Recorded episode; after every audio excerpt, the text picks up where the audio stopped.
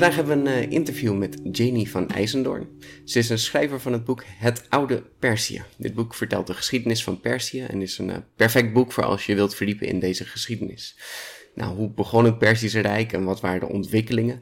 Uh, maar ik begrijp dat er meer is dan alleen een leesboek. Dus daar willen we eigenlijk meteen alles over weten. Hè? Janie, welkom en bedankt dat je tijd had voor een interview.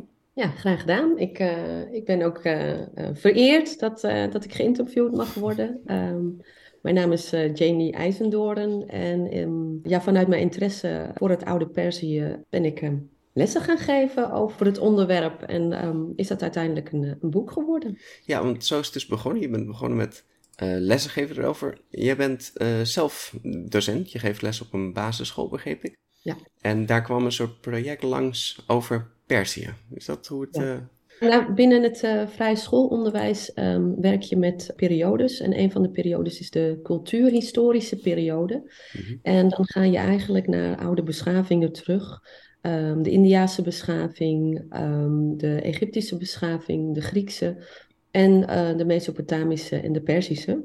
Hm. En um, vooral bij de laatste twee uh, werd ik getriggerd omdat ik voorheen in het uh, regulier onderwijs heb gewerkt en daar kwamen ze helemaal niet in terug. Hm. Dus ik dacht, hè, hoe kan dat? En het, het, nou ja, toen werd ik eigenlijk, werd er gewoon een vonk ontstoken en begon ik me meer te interesseren voor, um, voor deze beschaving en um, um, de verbindingen eigenlijk met, met onze westerse beschaving. En als je dan eenmaal aan het graven bent, dan, uh, ja, dan valt, valt, is het niet meer te stoppen. Vanuit de oude beschaving tot ook uh, in de tijd van de middeleeuwen. Er zijn zoveel mooie stukken uit, um, uit dat gebied, zoveel culturele aspecten die, uh, die nu het daglicht mogen zien. In de ja, zin van ja. dat kinderen in het basisonderwijs daar iets mee kunnen. Ja, je hebt het dus in eerste instantie aan je kinderen in het vrije onderwijs aangeboden. Ja. En daar zit ook een deel kunstzinnig in. Dus, dus wat waren dan de projecten die je ermee hebt gedaan? Ja, binnen, uh, binnen het vrije schoolonderwijs um, spreken ze altijd over uh, hoofd, hart en handen. Hoofd betekent dan dat je een soort kennisoverdracht uh, doet over, over de beschaving. Um, en vervolgens um, ga je met je handen aan de slag. Je gaat uh, tekenen, um, je gaat uh, boetseren, je gaat ook gedichten, echt cre creatief in gedichten en in, uh, daarmee aan de slag. En uiteindelijk, omdat je dus dit soort dingen doet, dus je, je herleeft het uiteindelijk met je handen, kun je het in je hart opnemen en dan kun je liefde voelen voor datgene wat je geleerd hebt. Mm, okay. Dus dat is een hele mooie manier om ja, om, om dingen te leren. Zeker. Um, je moet natuurlijk eigenlijk, als je iets wil leren, moet je het op verschillende manieren benaderen. En op die manier maak je betere verbindingen in je hersenen. Dus ja, uh, mm -hmm. daar zit wat in. Een keer, een, een, keer iets knutselen zal je wel beter bijblijven. Ja, zeker. Wat grappig maar. Ja, knutselen. Ja, ja, ze zouden in het vrij schoolonderwijs zeggen, de ambacht onder de knie krijgen. Mm. Mm -hmm. Heel mooi, heel mooi. Hoe, uh, hoe ervaren de leerlingen het? Ja, ja ze, ze, vinden het heel, heel fascinerend. Um, ik, um, ik ben met kinderen aan de slag geweest bij de eerste geschiedenis van de, de eerste Persische heersers. En vervolgens heb ik ze gevraagd: zouden jullie dit verhaal opnieuw kunnen doen? En dan bijvoorbeeld door middel van stop motion. Hm. En um, toen kwam ik er ook achter dat eigenlijk de eerste stop motion uh, ook daar bedacht is. Dat is door middel van een, um, een, een, kom geweest met een uh, steenbok erop. En als je die kom zou draaien, dan um, zag je de steenbok springen. Hmm. En toen dacht ik, hé, hey, maar waarom zou je dat ook niet um, met dit verhaal kunnen? Een stop motion op de, over de plek waar ook uh, stop motion bedacht is. En zo hebben ze de kinderen echt hele heldhaftige verhalen gemaakt over um, uh, de geboorte van Cyrus en de droom die zijn opa had dat uh, Cyrus hem van de troon zou stoten. Um, ze hebben um, stopmotions gemaakt over de bouw van Persepolis, wat daarbij kwam kijken. Hm. En um, ja, ze vonden het heel tof. Het was voor hen echt een, uh, een eigenlijk een, een, een, eigen verhaal, een eigen ja. draai eraan geven. Dat is het eerste voorbeeld bij wat bij me opkomt. Ja, het is wel interessant. Perzië weten we inderdaad niet zo heel veel van. En jammer genoeg wordt het ook vaak uh, gebruikt als de slechterik. Uh, ja. Je hebt in de film 300 onder andere, is Xerxes is een, uh, een medogeloze Mhm. ja, kwade keizer, een koning. eh. maar inderdaad, als je de verhalen gaat Mhm. lezen, ja, dan, dan valt het eigenlijk allemaal best wel mee. Als we nou eens beginnen met die eerste koning, koning Cyrus. Kouros. Het, eh, Kouros, zo noemen ze hem in. Kouros. Ja. Dat was toch een ja, vrij milde heerser, iemand die het toch vrij anders aanpakt. Ehm, in verhouding was hij ehm, een stuk milder dan eh, de koningen die eh, voorheen in dat gebied heersten. Mhm. M- Een mooi voorbeeld van, van Cyrus is ehm, dat hij eh, vervolgens ook genoemd wordt in het Oude Testament. En daar wordt zelfs gesproken over Messias, want hij, hij haalde eigenlijk de, de, de Joden uit de, de Babylonische gevangenschap en gaven hen ehm, geloofsvrijheid terug. Hm. Hij vond dat mensen ehm, bij de, bij de eh, staten die die bevrijden, of eh, je kunt het ook noemen die die veroverden, Mhm. ehm, gaf hij de ruimte om hun eigen geloof te blijven beleiden. En dat is in die tijd gewoon een, een unieke. Ja, En eh, zo zijn de Joden eigenlijk, of een, een aantal Joden terug kunnen keren naar, ehm, naar, naar de streek van Jeruzalem. Ja. ja, heel bijzonder. Mhm, mhm.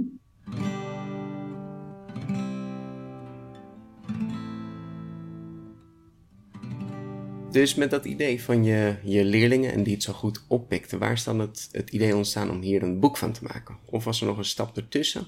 Ehm, nou, ik, ehm, ik begon eerst met, ehm, met de klas, die, die stop-motion, ook met, met voorwerpen. En eh, ik heb toen ook de, de sprong gemaakt naar de islamitische periode, in, in hoeverre dat van invloed was eh, op, op Perzië en hoe, hoe de Perzen daarmee omgingen.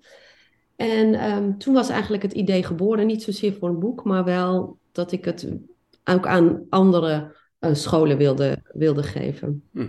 En ehm, toen ben ik gewoon een, een, een lessenopzet gaan maken, die ik elke keer maar aanvulde. Ehm, kijken wat werkt, wat werkt niet. Ehm, over het algemeen werkte eigenlijk van alles. En wat het mooie was, dat verschillende kinderen aangingen bij verschillende onderwerpen. Hm. Ik heb een les ontwikkeld eh, over geometrische patronen, waarbij de kinderen dus ook zelf ehm, eerst geometrie gingen ontdekken ehm, en dus ook zelf gingen tekenen.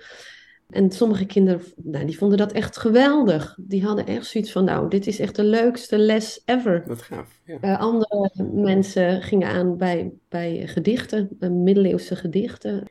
Dan ehm, eh, citeerde ik een stukje van Rumi en dan gingen we het samen ontleden. En dan vervolgens gingen we kijken van hoe kun je anders je gevoelens op, eh, op papier zetten. En er kwamen gewoon hele mooie gedichten uit. En ik heb later nog ehm, een professor eh, gesproken eh, over Persische literatuur en Persische poëzie in Utrecht. En die, die, die was helemaal verbaasd. Hij zegt maar, ehm, hij is dan zelf ook Persisch, maar hoe, hoe kan het dat, dat zulke jonge kinderen bij mijn dichters, bij mijn. HVS, gewoon ook aangaan? Niet alleen ehm, in, in, in Iran zelf, maar dus ook blijkbaar in Nederland. En ehm, ja, dat vond ik een heel mooi compliment, dat hij daar... Ja, hij, was er heel trots op. Hij had echt zoiets van, wauw, wat je nu neer hebt gezet is eh, heel bijzonder. Ja, en eh, zoiets ontwikkelt zich. Ehm, ik had elke keer had ik, ehm, mijn computer vol staan met, eh, met die ideeën. Eh, in coronatijd eh, ben ik er eh, een aantal filmpjes van eh, gaan maken. Denk ik, ik wil daar iets mee en ik wil het verder eh, ontwikkelen. Dus je kunt het ook online kun je zo'n eh, zo'n les eh, doen. Dus dan heb Mhm. ik een aantal lessen ontwikkeld.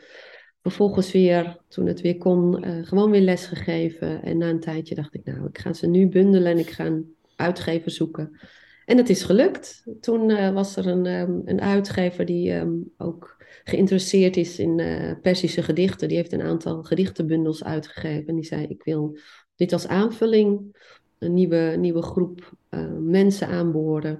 En we gaan hiermee aan de slag. Dus, eh, Super. dus zo ben ik verder gaan schrijven. Ja, weet ja, weet jij ja. trouwens iets over de vertalingen van die gedichten? Hoe werkt dat? Is het makkelijk te vertalen? Is het lastig te vertalen? Hoe, eh, In eerste instantie ehm, moet je natuurlijk je, de, het Farsi eigen zijn. mhm. Ehm, want je kunt het vanuit het Engels eh, vertalen, bijvoorbeeld. Eh, de Rubaiyat van Omar Khayyam, die is, is vertaald in het Engels. Oké. In 1859 is het uh, vertaald door Fitzgerald. En die vertaling is bijvoorbeeld weer van het Engels naar het Frans, naar het Nederlands, naar het Duits gegaan. Mm -hmm. maar um, de vertalingen die ik het, het mooist vind van, van Persische dichters zijn van de in februari overleden J.T.P. de Bruin. Mm -hmm. En um, hij was professor in, in Leiden. En hij heeft ja, heel veel Persische middeleeuwse dichters vertaald, juist precies vanuit het, vanuit het Farsi. Gaaf, ja. En ja, per toeval ben ik, um, wat is het, ik denk tweeënhalve maand geleden, um, zat ik in dezelfde treincoupé als, uh, als zijn dochter. En zij kwamen van een, um, van een inauguratie. En ik raakte in gesprek en toen vertelde ik over het oude Perzië. En toen zei haar man, nee, dit kan niet. Ik zei, wat dan? Ehm, je zit nu naast uh, zijn dochter. En toen zei ik, hè? Nee. En zij was echt heel, was echt heel trots. Ze zei, maar jij hebt dus de gedichten van mijn vader, die man die uh, in, de, in de negentig, heb jij dus toegankelijk gemaakt voor kinderen? Ik zei, ja. Maar dat, dat is toch zo'n eer. Dus ze vond het echt ja, heel bijzonder dat, um, dat het op die manier ook... Uh, ja, bij een andere groep terechtkomt dan bij um, de groep waar, waar ze in eerste instantie uh, aan denken ja, binnen de academische wereld. Ja. Heel bijzonder. Wow. Ja. Dit werd dus langzaam een, een steeds grotere bundel. Uh, hoe heb je besloten wat je wel en niet in je boek wilde stoppen? Was dat nog lastig? Of heb je gewoon alles erin kunnen stoppen wat je wilde? Um, ik heb niet alles erin kunnen stoppen wat ik wilde, omdat ik um, op de duur uh, heb je zoveel kennis, maar mm.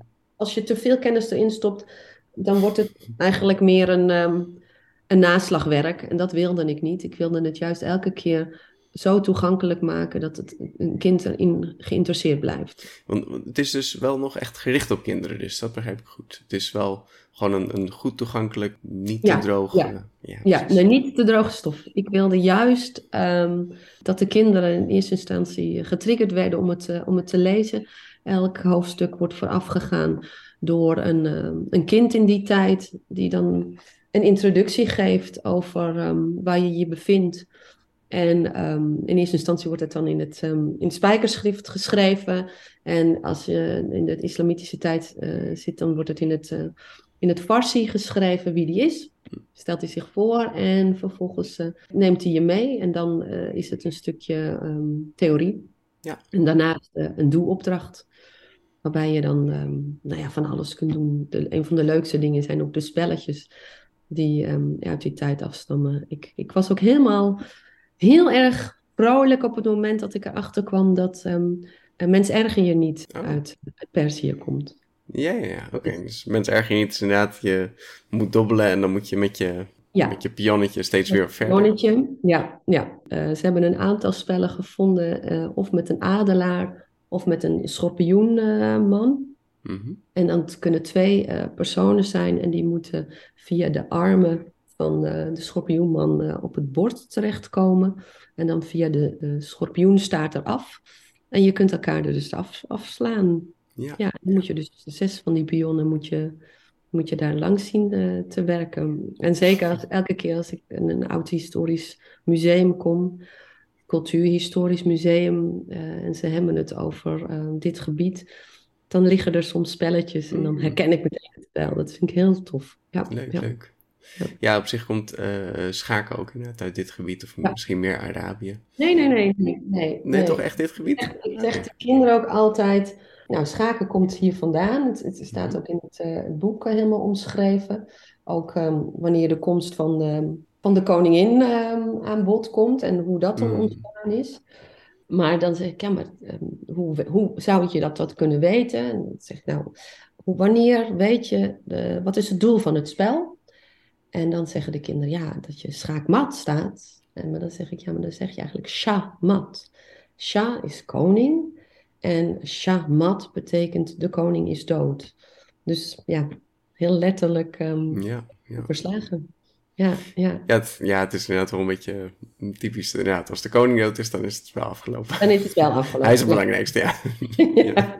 ja, maar ja, ik, ik vind het heel mooi dat ze de koningin uh, zo'n positie hebben uh, gegeven dat zij. Um, ja, dat de sterkste heel, van heel, um, heel groot belang is. Ja, ja. Um, het was vroeger ook niet met paarden, maar het was met olifanten. Ja, inderdaad. Er zijn een aantal van dat soort verschillen, hè? Ja. Ja. Zo wordt het ook nog steeds wel eens genoemd in sommige landen, begreep ik. Dat uh, de paarden inderdaad olifanten zijn of dat de torens Ja, een bepaalde ja. naam hebben. Ik dacht, ik zal even kijken hoe, ehm, hoe het spel dus in, in het Persisch heet. Mhm. Eh Shatranj. Shatranj heet het in het mooi. Ja, een ander spel is bijvoorbeeld ehm, eh, het molenspel. Hm. Dat, dat is eigenlijk een echt, dat noemen wij een oud-Hollands spel, maar helaas, dat komt eh, ook, ehm, helaas, per toeval, nou ja, niet, komt het ook uit, ehm, uit, uit Perzië en dan heet het Shaharbagh. Hm. En het idee is dat Shaharbagh ook echt ehm, door legers eh, werd meegenomen om het als een soort tijdverdrijf eh, te spelen. Maar bijvoorbeeld schaken echt voor ehm, de aristocratie, voor de elite is, is Shaharbagh echt eh, voor ehm, Het gewone volk. ja, gewone volk. Ik wou zeggen voetvolk, maar dat vind ik weer zo. Ja. Maar het leuke is, ehm Shaharbagh, dat, ehm, dat kom je eigenlijk overal tegen. We waren een paar jaar geleden in Venetië en waren we bij een, ehm, bij een kerk. En dan zie je gewoon in de stenen, zie je het molenspel gekerfd. Hm. En ehm eh, Shaharbagh betekent ook viertuinen. Ja, oké. Het is elke keer zo'n vierkantje, is- bedoelen ze mee de vier tuinen. Wat dan ongeveer hoe het spel werkt? Ehm, het, het spel werkt als volgt. Je hebt allebei eh, negen muntjes of eh, negen speelstenen. Mhm. En je moet eh, een soort eh tic-tac-toe Ah, doen, dus over de hand heen springen. Maar je moet eerst je stenen allemaal op het, ehm, het bord neerzetten of op, ehm, eh, in de tuinen, mhm. zodat je zo drie op een rij kunt krijgen. En diegene met het meeste drie op een rij, die mag als eerste vervolgens gaan slaan. Hm. Ja, Hm. een leuk spel om, eh, om even tussendoor te spelen. Het, is iets, het gaat voorbij eh, drie op een Ja. rij. Het is iets gebreider. Oh, wat grappig. Leuk. En eh, ja, ook een van de leuke spelen vind ik zelf is eh Taktenart. Dat is eh backgammon. Oh ja, Wat wij ja, kennen als backgammon. En ja, daar gaat het ook om dat je naar huis komt. Maar in het hele gebied, dat is nog steeds... Ga je naar Turkije, ga je naar Georgië, Griekenland, overal wordt backgammon, taktenart. Ja, dat klopt inderdaad. Ja, ja. Ja, ja, ja, dus eigenlijk moet je, wanneer je die kanten op gaat, moet je wel de spelregels kennen, zodat je kunt integreren in, eh, in de samenleving en dan het, eh, het spel met, eh, met andere mensen kunt doen. Dat is echt heel leuk om te doen. Ah, grappig. Ja, ja. Ja, inderdaad. Je moet, ja, waarschijnlijk zullen lokaal ook wel spelregels anders zijn. Dat is ook altijd wel leuk. Ja, ja, ja, ja, ja, het scheelt per land. We hebben het in verschillende landen hebben we het inmiddels nu gespeeld met mensen. En dan zeggen ze, nee, nee, bij ons is dit de regel. Dus eh, Ja, de, ja, de- ja. Dat is ook de grap inderdaad bij eh, Monopoly. Dat eigenlijk niemand het volgens de spelregels... Elke familie heeft een beetje zijn eigen spelregels. Ja, jij hebt je eigen regels, ja, ja. En inderdaad, ik was, eh, ik was aan het uh, Cuppen. Nou, op zich weet ik wel ongeveer hoe Rummy Cup Ja. werkt. Maar in Turkije werkt dat toch heel anders. Eh, dat heb ik eh, heel, heel snel moeten leren. Ja, ja, Dus, ja, eh, ja, ja. Met, met afleggen en je moest op je eigen bordje. Nee, het moest linksom. eh, Oké, het was niet het spel wat ik kende, maar is goed. We hebben het is volgens mij hetzelfde doos, hetzelfde steentjes, allemaal hetzelfde. Maar ging, eh, het ging er heel anders aan toe. Ja, want, want de Rummy Cup is natuurlijk weer afgeleid van, van het kaartspel. Ja, het is een soort van, je maakt inderdaad eh, straatjes, je maakt eh, rijtjes van Ja. dingen achter elkaar. Ja, ja, ja. Ja, want dat, het kaartspel komt ook weer uit, eh, uit Perzië. Het verbaast me niks. Nee, ik heb uiteindelijk ook echt een hele mooie kaartspellen gevonden waar de koningen in, eh, in terugkwamen. De koningen die, eh, die revue zijn gepasseerd in het Perzische Rijk. En, eh, kaartspel zou ik graag in het echt een keer eh, willen Ja, hebben. precies. Ja, ja. Ja, ja, ja.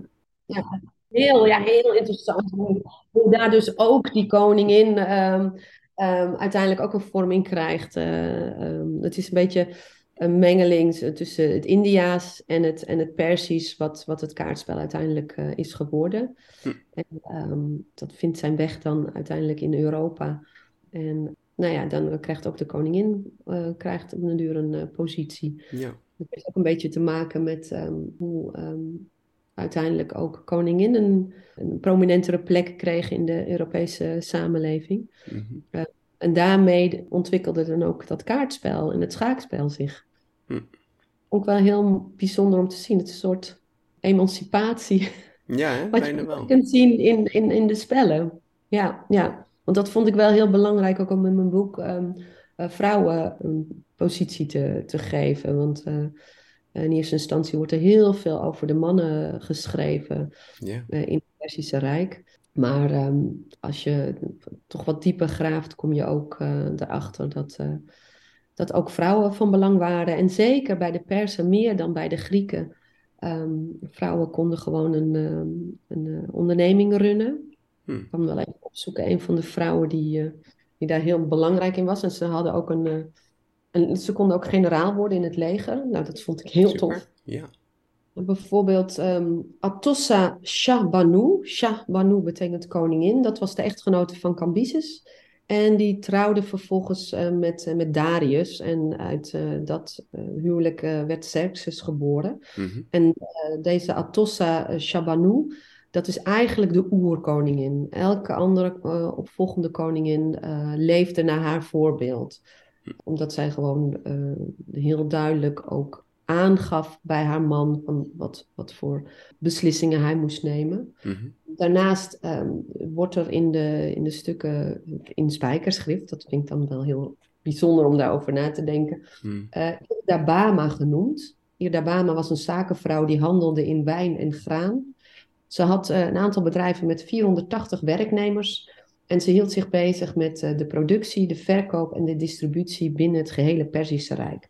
En daardoor ging ze dus ook elke keer zelf op reis om, uh, om dat te garanderen bij de Wow. bedrijven. Nou, dat... Dat is erg groot. 400, ja. Ja, 480 werknemers. ja. Ja, ja. En ik heb um, ook bij de dichters heb ik een, um, een Persische vrouwelijke dichter genoemd. Mm -hmm. Er zijn er wel een aantal. Sommige worden uh, juist weer genoemd door um, Attar als, uh, als personage. Maar uh, de rest die ik heb genoemd is Masati Ganjavi. En ja, dat is dus de tijd van de, de, de gouden eeuw van de islam. Ze leeft in de 12e eeuw, ook ten tijde van de Seltjoekse uh, sultan, Sanjar. En um, ze heeft een aantal kwatrijnen uh, uh, gemaakt, gedichtregels. En daar heeft ze het uh, over um, de hypocrisie en de mannelijke overheersing. En ze wilde iets anders tegenover stellen. Ze stelde het goddelijke en, het, en de menselijke liefde daartegenover. Oké, okay. oh grappig, ja, ja. Ja, ja. Ja, dus het is eigenlijk wel, een, je geeft een, een, goed alternatief. Dat is eigenlijk ook wel uh, fijn als je een tegenbeweging hebt. Dat je gewoon punt hebt van, nou ja, we zouden het meer op deze manier moeten doen. Ja, Dat ja. is wel heel, heel uh, mooi gedaan. Ja, en dat, um, de dichters zijn sowieso heel mooi. En die, die Mhm. hebben ook een soort tegenhanger tegen wat, wat er op dat moment gaande was. Gedicht eigenlijk opzetten tegen ehm, mannelijke, of de, de, de, de tyrannische overheersing. Hmm. En dat is eigenlijk iets wat je, wat je nu ook terugziet in, in, de, in de tijd nu. Ja, en dat vind ik wel ehm, we hebben heel bijzonder dat het in dat opzicht zich ook herhaalt. Ja, en het is Ja. natuurlijk een bepaald vrij woord wat dan toegestaan is. Dat is natuurlijk ook wel Ja. interessant. Dat een koning dit soort dingen toestaat. Is wel, is wel mooi om te horen natuurlijk. Dat eh, Ja, ja. kunst en dichters zo eh, hun mening mogen uiten. Want, want die sultan die was wel onder de indruk van eh Massati. En die heeft haar dus ook uitgenodigd in, ehm, in zijn paleis om deze gedichten voor te dragen. Om ook eens op een andere manier te, Hm. ernaar te kijken. Ja, je zegt dan sultan, hè, want dat was natuurlijk... eh, je had de Shah, die stond er overheen. En sultans waren in de gebieden zelf. Begrijp ik dat Ja. goed? Ja, Ja, precies. ja. Eh, je, je boek heet Het Oude Perzië. Ehm, Mhm. Van wanneer en tot waar reken je dit, eh, dit boek? Kunnen we een beetje door de tijdlijn heen lopen? Ja, ik heb wel een, ik heb een tijdlijn gemaakt tot aan nu. Zodat je wel... Ho- eh, hoewel het geen Perzië meer heet, maar... Dan heet het geen Perzië meer, maar dat, dat is natuurlijk elke keer eh, En uh, ik noem het ook niet het Perzië, maar ik noem het met name het Perzische Rijk, omdat dat veel verder gaat dan alleen uh, wat je nu Iran zou noemen. Ja. Um, omdat het toch altijd in verbinding met, de, met elkaar. Uh, ja, want het was op een gegeven moment zelfs zo ver als Turkije en bijna India. Ja, nou ja, al India, tot aan de Indusrivier. Ja. Ik zeg ook, uh, als ik het aan de kinderen vertel, dan zeg ik het, het rijk, rijkte van Griekenland tot aan uh, de Indusrivier uh, in India. En als je naar het noorden zou gaan, dan zou je tot aan de Caucasus bij Rusland terechtkomen. Mhm. En in het zuiden um, bij de Nijl uh, Ja. in Egypte. Dus dat is gigantisch. Mhm. Het is, um, ik geloof, we hebben het wel eens gemeten, iets van vier keer zo groot als Europa. Maar dat werd dus wel bestierd door één Shah. Ja, ja. En dat is, um, ja, dan, dan kun je er niet omheen dat, dat je dus de, de macht verdeelt bij, bij satrapen, gouverneurs. En um, er werd belasting geheven, er werd uh, één munt geslagen, uh, er was een, een officiële uh, spreektaal. Er werden afspraken gemaakt binnen het spijkerschrift om te communiceren.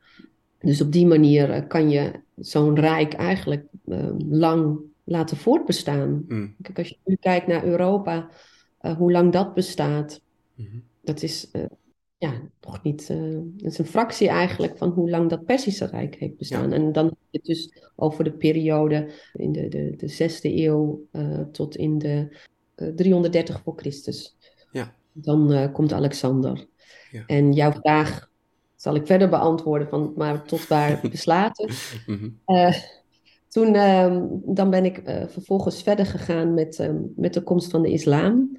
Heb wel een klein stukje nog uh, geschreven over de Sassanidische dynastie. Ja, ja. Uh, en dan heb ik het over de, het gouden tijdperk van de islam, omdat binnen het geschiedenisonderwijs het met name gaat dan over de kruistochten. Mm. En dat vind ik een eenzijdig beeld, omdat juist deze uh, middeleeuwen uh, zoveel rijkdom hebben gegeven, uh, culturele rijkdom, wetenschappelijke rijkdom aan de hele wereld. Mhm. Dat is een hele andere invalshoek dan dat je het spreekt over kruistochten. De godsdienst um, bood zeker in dit gebied juist een, um, een, een, een soort bloeiperiode voor de wetenschap, voor de literatuur, voor gedichten.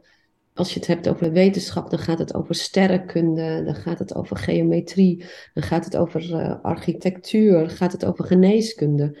Al die, uh, die aspecten die hebben gewoon een grote vlucht genomen Mm. uh, tussen 750 en 1258 uh, na Christus.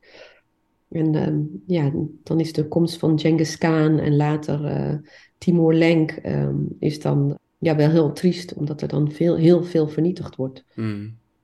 Ja, daar hebben we het natuurlijk ook wel vaak over in de podcast, dat er veel verloren is geraakt. Ja. Uh, hoe zit het qua bronnen? Zijn, valt het mee of is het toch gewoon een heel groot gedeelte waar we gewoon niks van weten? Hoe, uh...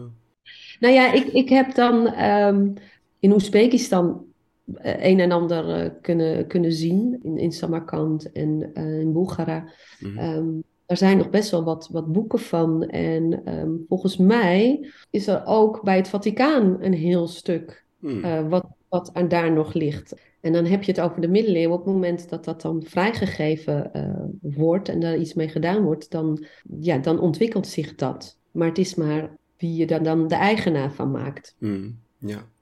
Het over de geneeskunde hebt en dan heb je het over Avicenna. Wat voor stappen hij heeft gemaakt, ook op het gebied van uh, virussen. Het is heel interessant, ook chirurgie. Hm. Er is heel veel geschreven daarover. En um, ga je naar de wiskunde, dan wiskundigen zullen ook heel veel spreken over um, de, de, wetenschappers uit die tijd. Maar dat blijft dan onder de wiskundigen. Ja, nou ja, ja, zo heeft iedereen eigenlijk er steeds mee te maken. En dan uh, hebben we het soms niet door. Ja, uh. ja, ja dat, dat, dat denk ik uh, ook. Qua kunst is het ook altijd wel bijzonder dat um, de kunst lijkt een beetje op een soort mix tussen Grieks en Egyptisch.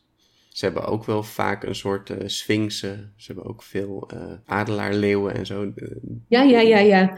Ja, dat, um, wat ik heel bijzonder vond, er zijn um, in Persepolis heb je een aantal afbeeldingen dat, uh, dat een leeuw een stier verslaat en een, een, een pakt. En nu was ik eh, afgelopen oktober ehm, in, eh, in Athene bij het museum. En daar zag ik precies dezelfde afbeeldingen. En toen drong het pas tot me door, want toen dacht ik, hè, maar wij zouden ervan uitgaan dat dit ehm, dus een soort Grieks, Mm. Griekse mythologische dieren eh, zijn. Maar het is dus Persisch. Ja, En ja. dat, eh, ik, ik heb daar ook zo'n suppost daarover gevraagd. Toen zei ze, oh, hè? Daar heb ik helemaal nooit bij stilgestaan. Ja, eh, wij zijn van oudsher, ehm, zijn de mensen aan de slag gegaan met Herodotus en Xenophon. En daar is toch de bril een beetje gekleurd. Mm. Maar als je verder doorleest, er is, er is toch wel een soort van eh, respect geweest voor, ehm, voor de Persische overheersers. Ja. ja, we hebben het heel vaak over Herodotus gehad en hij schrijft echt vanuit zijn kennis. Maar hij, is, hij, hij was niet een persoon die natuurlijk echt... Ik weet niet of hij de taal sprak. Eh, nee, hij sprak hij- zeker niet Farsi, dat, dat weet ik zeker. Dus inderdaad, ja, zijn, zijn schriften zijn altijd wel heel interessant, maar ze kunnen nooit als waarheid aangenomen Nee, worden. nee, nee, nee. nee. Dat, dat, eh, Het is wel altijd, eh, altijd interessant, Herodotus. Heel leuk dat hij, eh, dat hij voorbij komt. Hij heeft gewoon heel veel geschreven. Ja, en, hij, en hij, hij zal geen Farsi spreken, maar ehm, hij zal wel iets eigens zijn geweest in het, in het Aramees, Mm, denk ik. Oké. En hij, nou ja, dat, dat weet je beter dan ik. Dat komt toch uit Halikarnassos. Mhm, Ja, ja. Dat was in die tijd echt werkelijk het Perzische Rijk. ja, en nu zouden we het Turkije noemen. Hij komt uit Turkije inderdaad. Ja, ja, dat is, ja, ja, maar dat was echt wel een onderdeel eh, eh, daarvan. Maar ja, als een rijk zo groot is, dan is er iets wat meer afstand. Maar je zag hem, ehm, je zag natuurlijk op de munten, zag je wel je, je koning terugkomen. Dus daar werden ze wel mee, ehm, mee geconfronteerd. Geconfronteerd, ehm, ja, Ja, je, hebt het, je wordt steeds een zegt altijd wel. herinnerd. Ja. Ja. Ja, ja.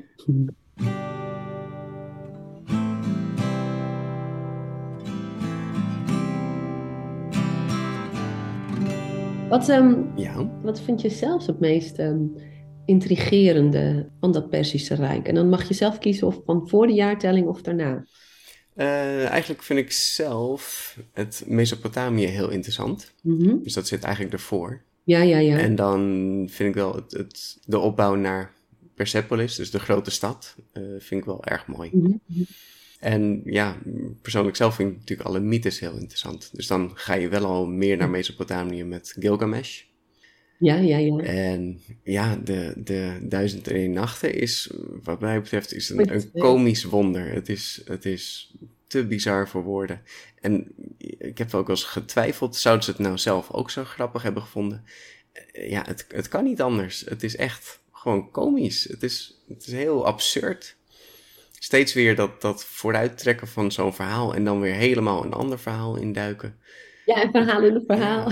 ja. En ja, op een gegeven moment hadden we. dat komt vaker voor in het boek. Dat er ehm, iets gebeurt en dan komen er drie personen die. Die moeten hun, hun, hun leven redden door een mooi verhaal te vertellen.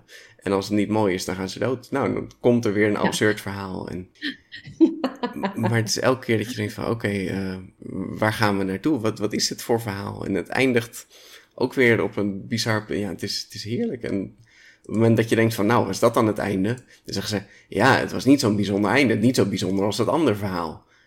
En dan gaan ze dat verhaal weer vertellen. Ja, Nou, het dat is is wel, ja, ja, ja, ja, ja, ja. ja. ja, fantastisch. Ja, en zo ik- gaat het maar door. Ik vind het heel leuk om aan, aan kinderen te vertellen. Er kwam ook een, eh, een meisje later naar me toe, ehm, om- omdat ik toen een aantal dagen achter elkaar aan het vertellen was eh, op een camping.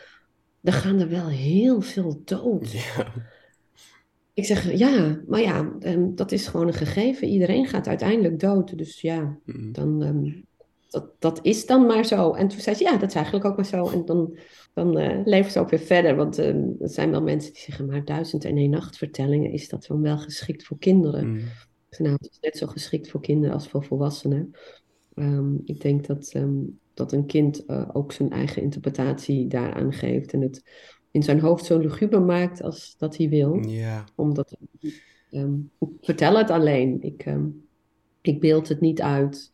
Ehm, ik laat er geen lugubere plaatjes bij zien. En, eh, Nee, maar goed, dit zeggen we dan niet over de Grimm-verhaaltjes. Is dat toch geschikt voor kinderen? Want dan ja. gaan we ervan uit dat je een kinderversie hebt gekocht of zo. Ja. Maar Duister Nacht is natuurlijk ook al uh, gefilterd en een heleboel dingen zijn eruit gehaald. Veel van de seks- en alcoholgebruik is natuurlijk al. Ja, ja, ja, ja. Nou, dat zei iemand ook tegen me. Ga je dan ook die orgies vertellen?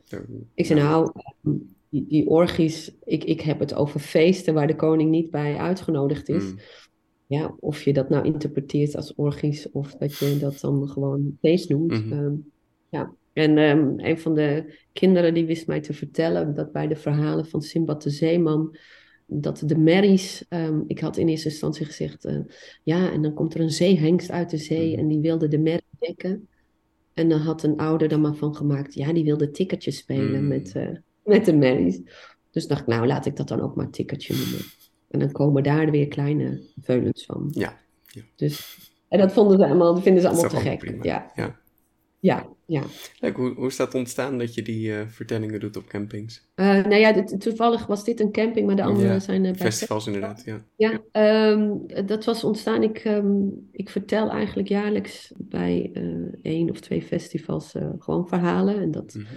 varieert van sprookjes, boomverhalen. Ik heb een keer alleen maar schoenverhalen verteld. Er zijn ontzettend verhalen die over schoenen gaan. Mm.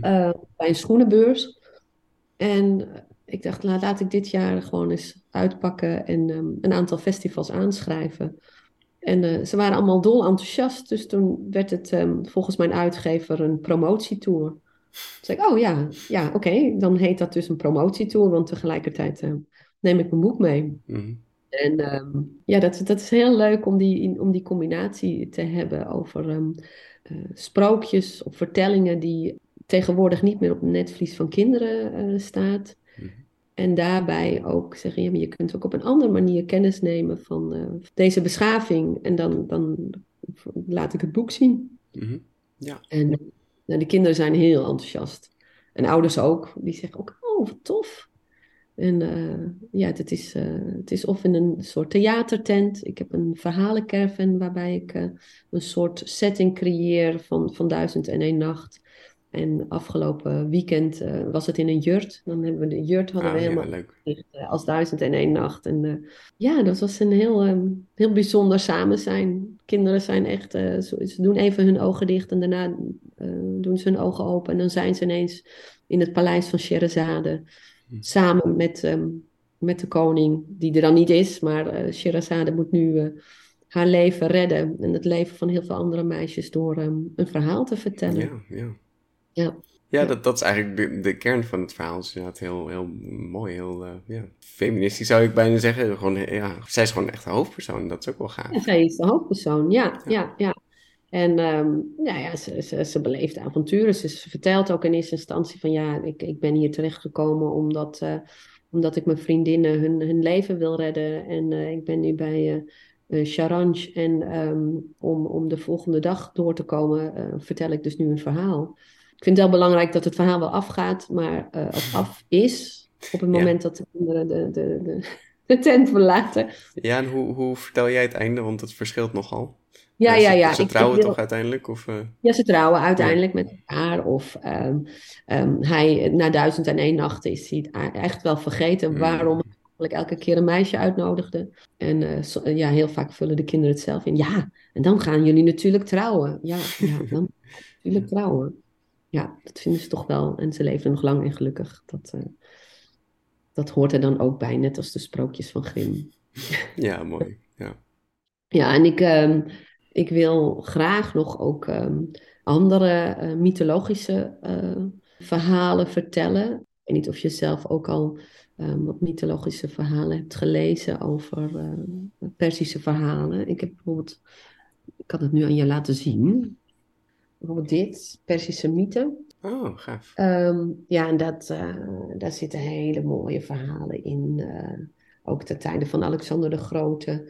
Um, fabels. nou ja, vooral met, met, die, met die koningen. En natuurlijk de, uh, uit de Avesta van, de, van Zarathustra. Um, mm -hmm. de, de, de geschiedenis van de profeet Zarathustra. En de andere die ik heel erg bijzonder vind is het boek der koningen, Koningen der Koningen. Ja, ja de shamanen. Um, ik mag wel zeggen dat de meeste um, Iraanse mensen uh, dit boek in huis hebben, hmm. van Ferdowsi.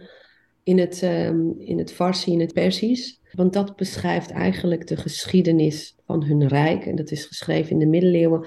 Um, dat wa er waren wel meer uh, dichters of schrijvers die in die tijd de geschiedenis van hun land beschreven. Mm Maar deze is echt is beklijft, is gebleven. Ja. Waardoor ze um, hun identiteit door al die eeuwen heen uh, hebben kunnen behouden.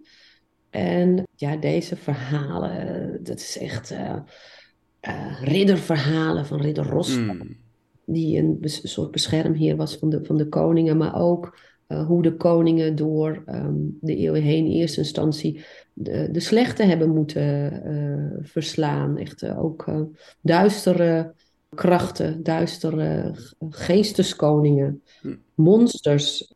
En ze komen dan uiteindelijk ook uit bij Alexander, ja, het is gewoon echt een heel, heel gaaf uh, om, om, om, om, dit boek, uh, om dit boek te hebben. En, maar hij, hij, pakt dus wel een beetje de geschiedenis, dus wel de, de koningen die echt bestaan hebben?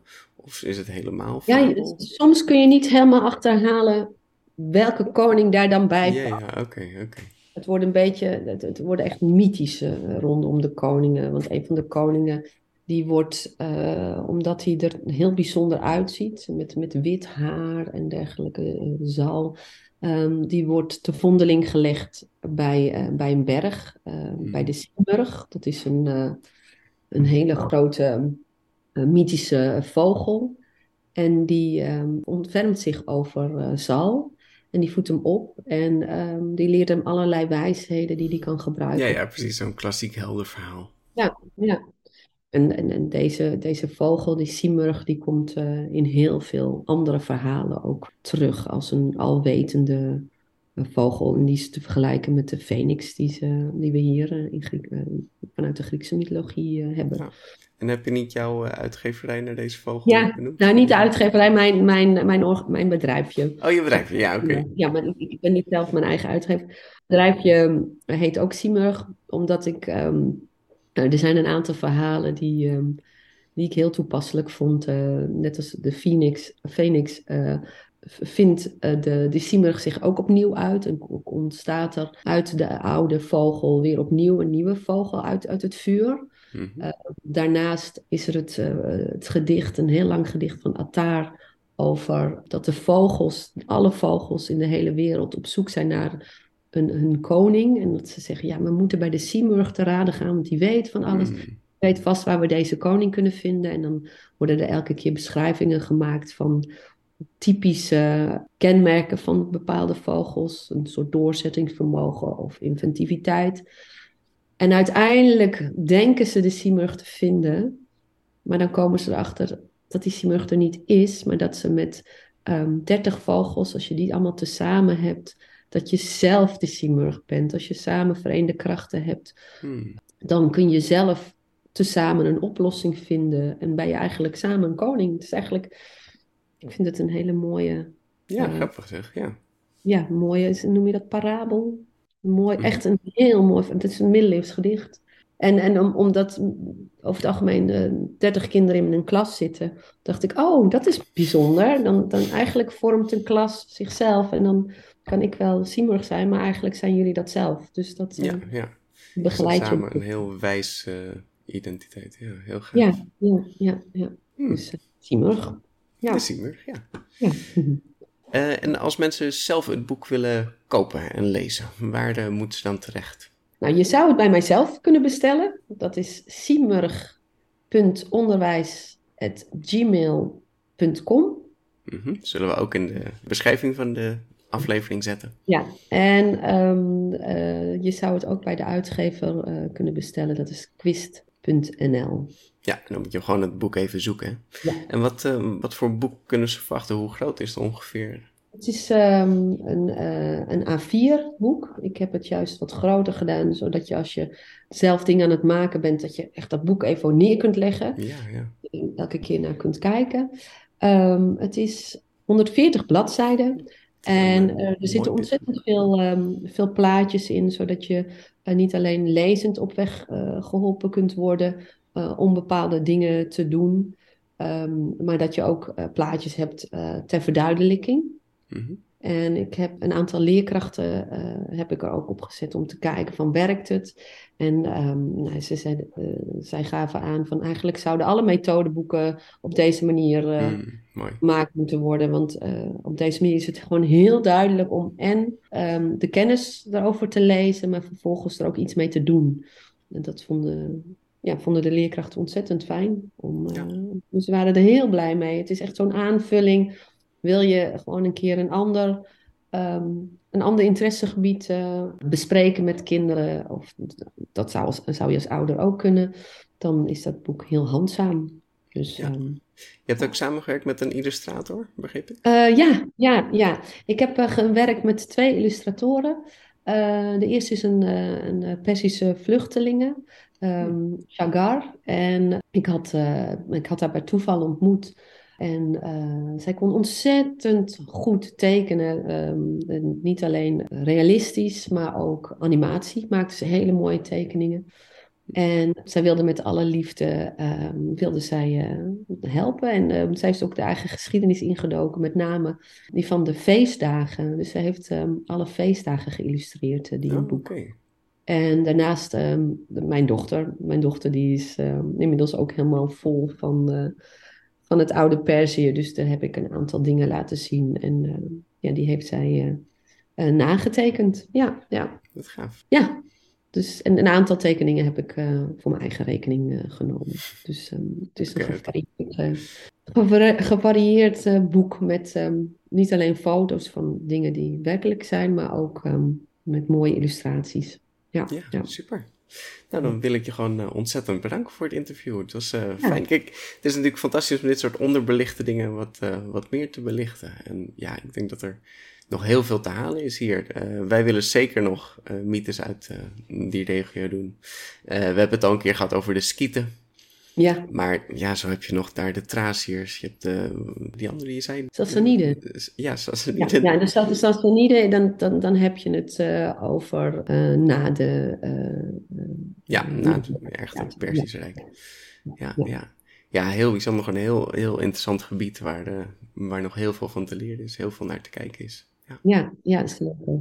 Ik heb zelf een beetje het gevoel gehad dat ik elke keer maar een tipje van de sluier... Mm uh, zoals Sherazade dat zou kunnen uh, zeggen.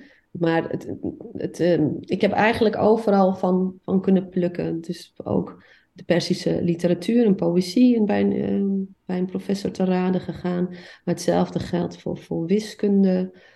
ook bij een, um, een, een echte historicus, bij Jona Lendering. Echt, die weet, dat is echt een wandelende encyclopedie. Die, um, die is ook, zeker met, van voor de jaartelling, uh, heeft hij me heel veel uh, input gegeven.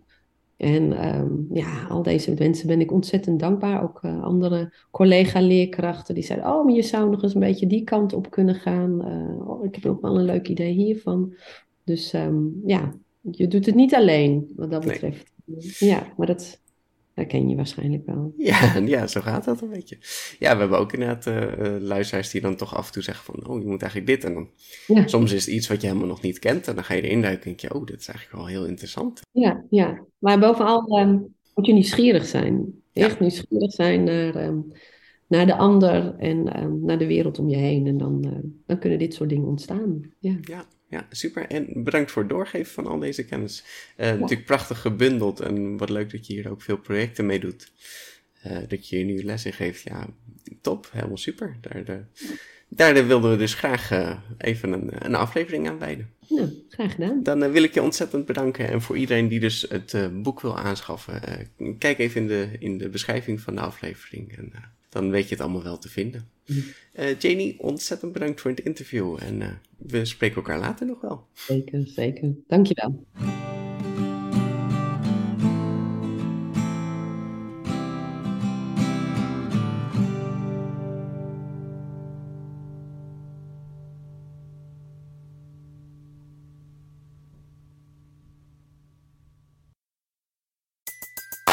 Everybody in your crew identifies as either Big Mac Burger, McNuggets, or McCrispy Sandwich. But you're the filet fish Sandwich all day. That crispy fish, that savory tartar sauce, that melty cheese, that pillowy bun. Yeah, you get it. Every time. And if you love the filet of fish, right now you can catch two of the classics you love for just $6. Limited time only. Price and participation may vary. Cannot be combined with any other offer. Single item at regular price. Ba da ba ba ba.